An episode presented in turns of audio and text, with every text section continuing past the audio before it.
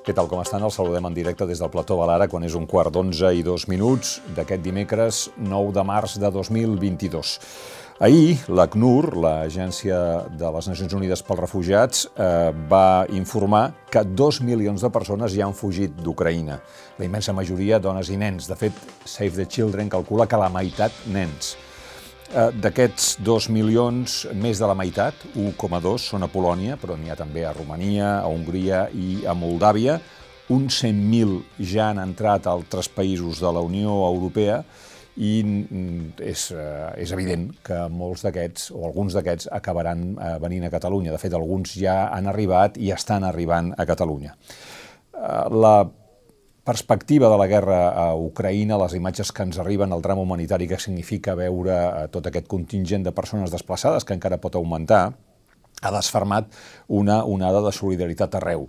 Em permeto dir que potser d'una manera més significativa a Catalunya, que som eh, un país en què moltes de les causes que el món té per justes les sentim molt com a nostres. No? Eh, aquests dies molts lectors de l'Ara ens han preguntat com poden ajudar.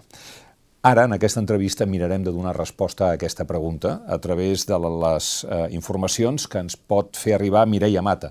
És la secretària d'Igualtats de la Generalitat eh, i és el, que és el departament, com ens comentava la setmana passada la consellera Tània Verge, és el departament en què, per raons de l'organització de la Generalitat, eh, hi ha el gruix de la feina eh, de cara a acollir persones que, com els ucraïnesos, fugen, per exemple, d'una guerra.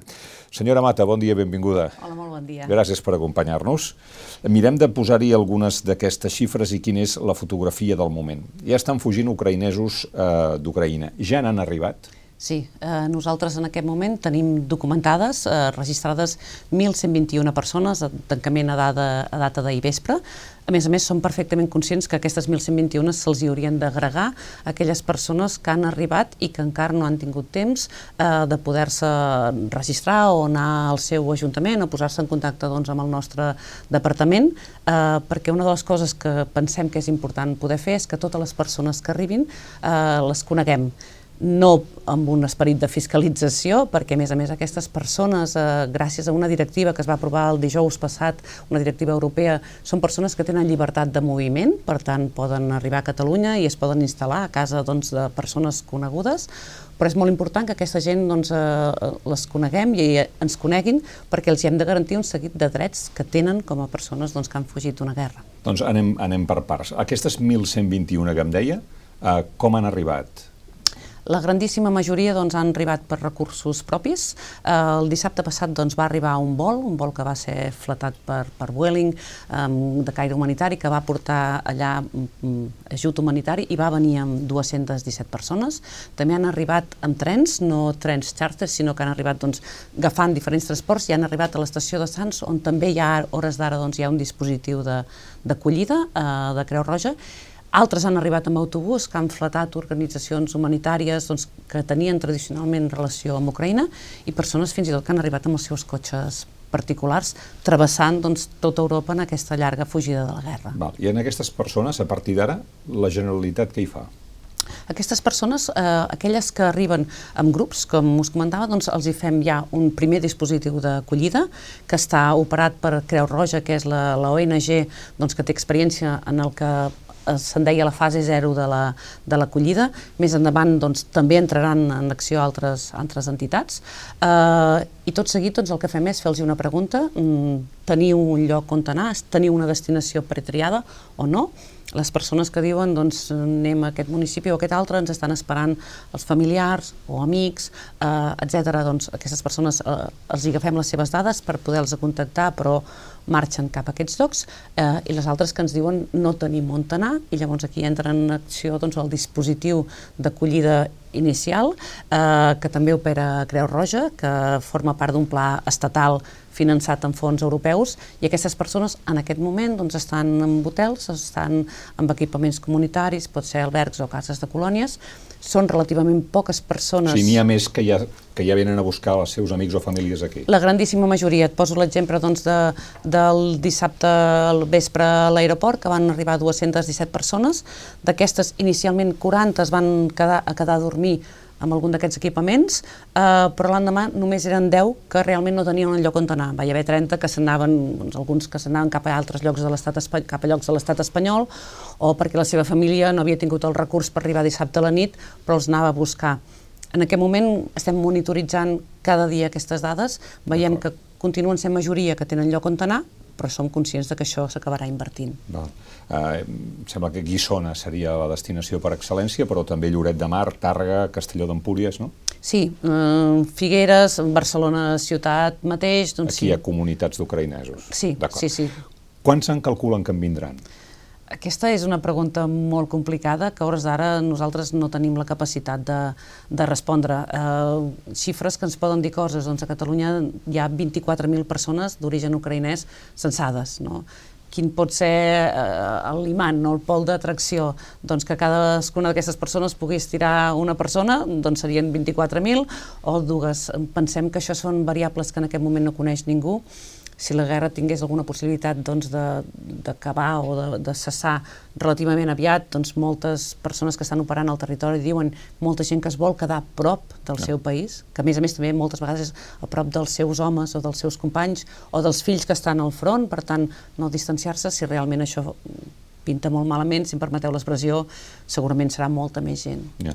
I estem parlant de què? D'un 80% de dones i nens? Sí, i fins, 80. i fins i tot més. més. I fins i tot més perquè... O sigui, d'homes gairebé no en venen. Gairebé no en venen, fins i tot no venen homes grans, almenys el que hem pogut no. veure aquests dies. Eh, potser aquests homes grans eh, s'estan quedant o a dintre el país o a prop del país, però la grandíssima majoria de gent que venen són dones, dones joves, amb nens, amb nens petits eh, i també adolescents, eh, pràcticament no hi, ha, no hi ha nois que estiguin arribant. Abans que van oblidi, dels que m'ha dit que han arribat pel seu compte i que haurien de contactar amb vostès, com han de fer-ho per contactar? Eh, nosaltres en aquest moment doncs, tenim diferents canals. El principal és el 012. Eh, jo vull fer un èmfasi en que el 012 està tenint en ucraïnès. Ens semblava que era una cosa que havíem de fer, per tant, el 012 treballant 7 dies a la setmana tenint en ucraïnès. Hem habilitat també una bústia de correu eh, electrònic, eh, comitè acollida igualtat arroba gencat.cat. La informació també es canalitza via 012, eh, per tant, mm. eh, la, la gent es pot adreçar aquí, i si no, els diferents comitès de Creu Roja que estan, com us deia, actuant com a, com a agent d'aquesta primer, aquest, primera contingència. Mm. Places per acollir refugiats. Mm -hmm Quantes en, el, en els refugis, quantes en pot arribar a tenir la Generalitat? Nosaltres en aquest moment disposem de places públiques, que és un acumulat doncs, de, del que ve, diguéssim, de, de l'Estat finançat en fons europeus, amb el que estan aportant doncs, les entitats especialitzades que ja tenien places, perquè els refugiats lamentablement estàvem encara tenint eh, les persones que venien de l'Afganistan i encara persones que venien de Síria, per tant, les entitats estan posant a disposició. Tenim un acumulat d'unes 2.000 places públiques avui, però jo voldria fer èmfasi doncs, amb tota la onada de solidaritat que estem actuant com a país i aquí doncs, vull esmentar doncs, eh, des d'hotels, eh, establiments hotelers, eh, des de càmpings, des d'entitats que tenen equipaments de lleure i molt especialment a ciutadans i ciutadanes que en aquest moment ens estan trucant i contactant per oferir eh, una llar d'acollida a aquestes persones. Mm. Jo en relació a aquest tema m'agradaria fer un apunt. Nosaltres en aquest moment el que estem més eh, atenent les urgències, per tant, aquella persona que està passant en aquests moments per la Junquera i aquesta nit no sabrà on dormir, nosaltres estem prioritzant això. Per tant, en primer lloc, agrair a tota la ciutadania que ens ha escrit en aquesta bústia que ha trucat al 012 per oferir un espai. Agraïment immens, jo m'agradaria fer un titular de que Catalunya un cop més demostra que vol acollir i que pot acollir però que són persones a les que donarem resposta en el decurs de les properes setmanes, perquè necessitem saber eh, com està funcionant, com, com, com evoluciona el conflicte i, per tant, en aquestes persones que ens diuen tinc una llar per oferir, tinc una llar d'acollida, els hi hem de poder dir serà per tres mesos, serà per sis mesos, serà per més eh, i a partir d'un determinat moment doncs, buscarem altres recursos perquè tenim moltes incògnites que en aquest moment no sabem respondre però que en tot cas atendrem tota i cadascuna de, de, de, dels, dels oferiments que aquesta ciutadania ens està fent avui. Per tant, si jo tinc una segona residència, tinc un pis, fins i tot tinc una habitació, eh, 012? 012 o comitè acollida.igualtat arroba gencat.cat. Sí, eh, és el millor que podeu fer en aquest moment. Val. Uh, Imaginem-nos que un diu, home, mm, doncs a mi m'agradaria tenir en adopció temporal o en acolliment una criatura. Què han de fer? Uh, Han de fer una reflexió profunda, respirar tres vegades i trucar a la de Gaia. Perquè aquesta, per què aquesta reflexió profunda? Perquè, lamentablement, totes les crisis humanitàries ens han portat l'experiència de que hi ha persones que acaben sent víctimes dones que acaben sent víctimes i molt especialment infants que acaben sent víctimes. Víctimes del desarrelament, de ser separades de les seves famílies, de perdre-se i fins i tot a vegades doncs, de ser robades. No? Per tant, el drets dels infants és un bé superior que s'ha de protegir i per tant ens hem d'assegurar de que des de la bona fe no portem a, a cap desprotecció d'aquest dret d'aquests infants. Uh, hi ha entitats que estan treballant en aquest tema, però la Direcció General d'Atenció a la Infància és qui finalment haurà de determinar si aquell infant que ens diuen que ha perdut pare i mare o que aquell infant que no té cap referent, doncs realment és aquesta la situació eh, i per tant nosaltres demanem que això es faci de manera molt endreçada. No es poden acollir infants eh, a la brava, a més a més són infants, molts d'ells que venen d'orfenats, han tingut ja una vida molt dura, arribaran aquí que no sabran què està passant, que no entendran el seu entorn i per tant hem d'activar la màxima protecció d'aquests infants i això qui en sap, qui són especialistes en fer-ho és la Direcció General d'Atenció a la Infància que naturalment acabarà instrumentant de quina manera podem acollir aquests infants però sobretot molt de compte, molta reflexió, intentar posar-nos a la pell dels pares i les mares d'aquests infants que tal vegada s'han perdut o que no sabran on estan d'Europa i nosaltres el que hem de fer és eh, garantir que estan bé i que, i que no són eh, arrencats del seu, del seu entorn eh, o si ho estan per la guerra, que un dia podran tornar d'allà on te venen. No mm -hmm. són infants que hagin caigut del cel, són infants que tenen família i entorn. Perquè n'han arribat de desemparats, diguéssim, sense pare ni mare? Mm, els infants que han arribat en aquest moment sense pare ni mare són infants que arribaven... Que ja, que ja no els tenien allà i estaven en orfenats. Mm, no seria tant aquest per, no seria tant aquest perfil, sinó que seria aquest perfil molt habitual a Catalunya d'ençà del temps de Chernobyl, en el qual venien eh, infants, que ara molts són adolescents, i n'hi ha que fins i tot són adults, però els adolescents han tornat, són aquests nois i noies, però ara venen les noies, eh, que venien cada estiu doncs, a passar uns mesos a Catalunya, hi ha noies que parlen català... Sí, sí, sí les hem vistes a la televisió televisió. Pràcticament amb el, meu, amb el meu accent, molt ben adaptades, i que ara amb aquests vincles familiars i sempre l'empara doncs, d'aquestes doncs, entitats que ja organitzaven doncs, cada estiu aquests desplaçaments amb tota la documentació en regla, amb totes les autoritzacions, aquestes són les primeres, eh, els, els primers infants que han arribat i sabem que en arribaran d'altres, però demanem que sempre siguin el paraigua d'organitzacions i amb la seguretat de que no estem eh, vulnerant cap dret d'aquests nens ni estem prenent eh, aquest nen, cap nen de, del seu entorn. Dels nens que hi han arribat, els estan portant a l'escola? Eh, sabem d'alguna experiència molt puntual de que s'ha portat un nen a l'escola doncs, eh, per, perquè estigui amb altres nens.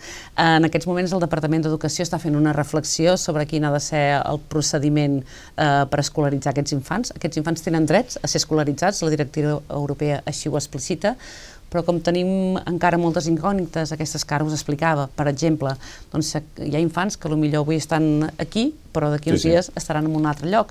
Per tant, quin sentit té escolaritzar-los, diguéssim, amb, amb, parlant en propietat, no? o infants que, que no parlen la nostra llengua, per descomptat, alguns fins i tot tampoc no parlen anglès, eh, és possible que hi hagi mm, situacions puntuals de que aquests nens estan anant a l'escola per estar amb altres nens, però el departament està fent aquest protocol per organitzar-ho. Va, per dir-ho així, una cosa és que vagin a l'escola i una altra que estiguin escolaritzats. Jo, jo fins i tot puntualitzaria, una cosa és que vagin al pati de l'escola o estiguin ja, fent ja. alguna activitat i l'altra és que estiguin escolaritzats. Ja. Uh, ara, en aquests moments, uh, també hi ha uh, aquest impuls d'ajudar materialment, d'enviar des de roba, medicines o menjar. Um, amb això què hem de fer?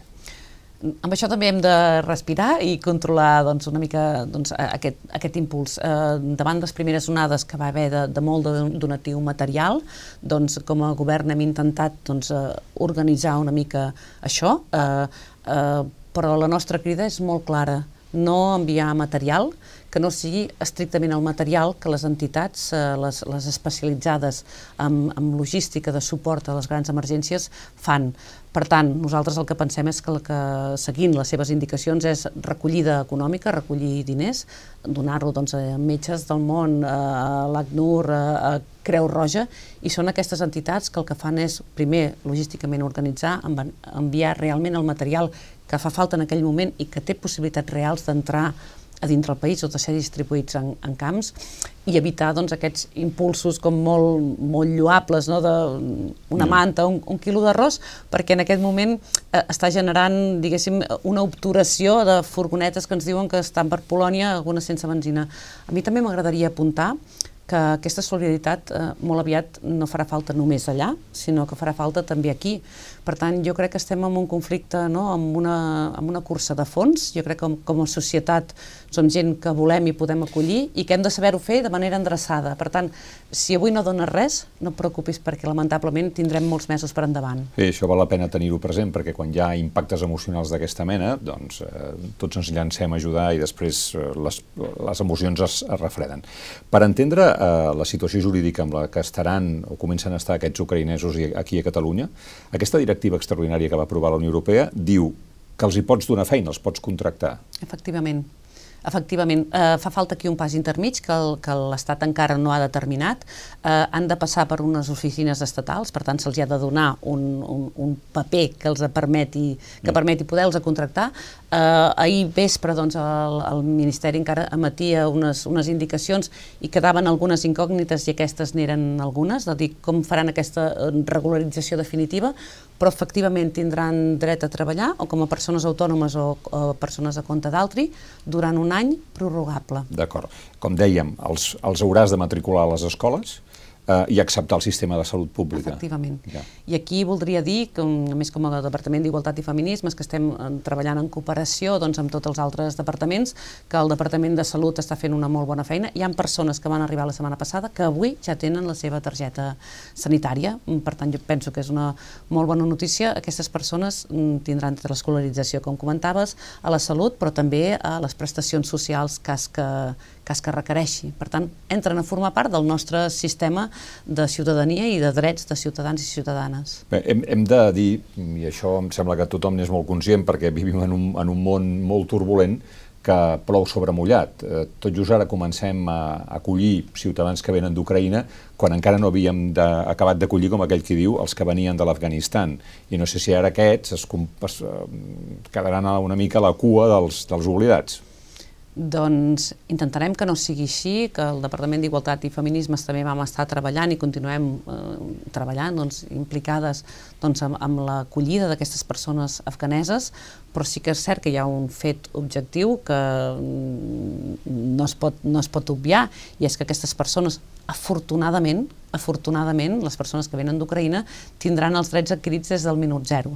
L'altre dia, doncs, si em permets el comentari, una periodista deia aquestes persones d'Ucraïna, per tant, són privilegiades. Jo deia, el que no pot ser i el que és una indignitat és que hi hagi persones que arribin aquí fugint d'una guerra i els tinguem sis anys o fins a dos anys sense aquests drets, que són drets humans. Una persona que arriba d'una guerra o que arriba fugint del seu país que no ve de turisme, la primera cosa que vol és poder treballar, guanyar-se la vida, no dependre de ningú. Per tant, jo diria, les persones ucraïneses, el que fa aquesta directiva europea, feliçment aquesta vegada no, i pels motius vegada, que sigui, sí, sí, sí. respectar els seus drets humans, ens queda pendent la signatura de persones que fugen d'altres guerres, d'altres situacions. Diuen que aquest matí arriben a Terrassa 90 nens, sí, no? Sí, Eh, aquesta és una operació, mm, com comentava abans, eh, absolutament doncs, ja coordinada i vinculada amb la Direcció General d'Atenció a l'Infància, que està fent un grandíssim paper també en aquesta, en aquesta crisi, perquè això que us deia, que ens preocupa moltíssim eh, l'esdevenir d'aquests infants, que aquests infants que han viscut una experiència terrible, mm, ara aquí puguin aterrar i puguin estar amb les màximes garanties doncs, de, de benestar i de seguretat jurídica. Per tant, senyora Mat, en resum, vull ajudar ara a enviar diners a través de les eh, ONG que et mereixin més crèdit i que operen normalment en aquest tipus d'emergències humanitàries. Eh, tinc feina o tinc una casa o un pis o una habitació 012 o la pàgina del Departament d'Igualtat i Feminismes. Exactament. Eh, vull acollir un nen, la de Gaia, ja no sé si em deixo algun altre supòsit. Jo m'agradaria doncs, afegir encara una altra cosa de la qual no he parlat, parlat, per tant no te la deixes. Uh, també necessitarem molts mentors i mentores. Ara imagina't que tu i jo uh, hem de fugir i ens anem d'anar a Ucraïna perquè aquí hi ha una guerra.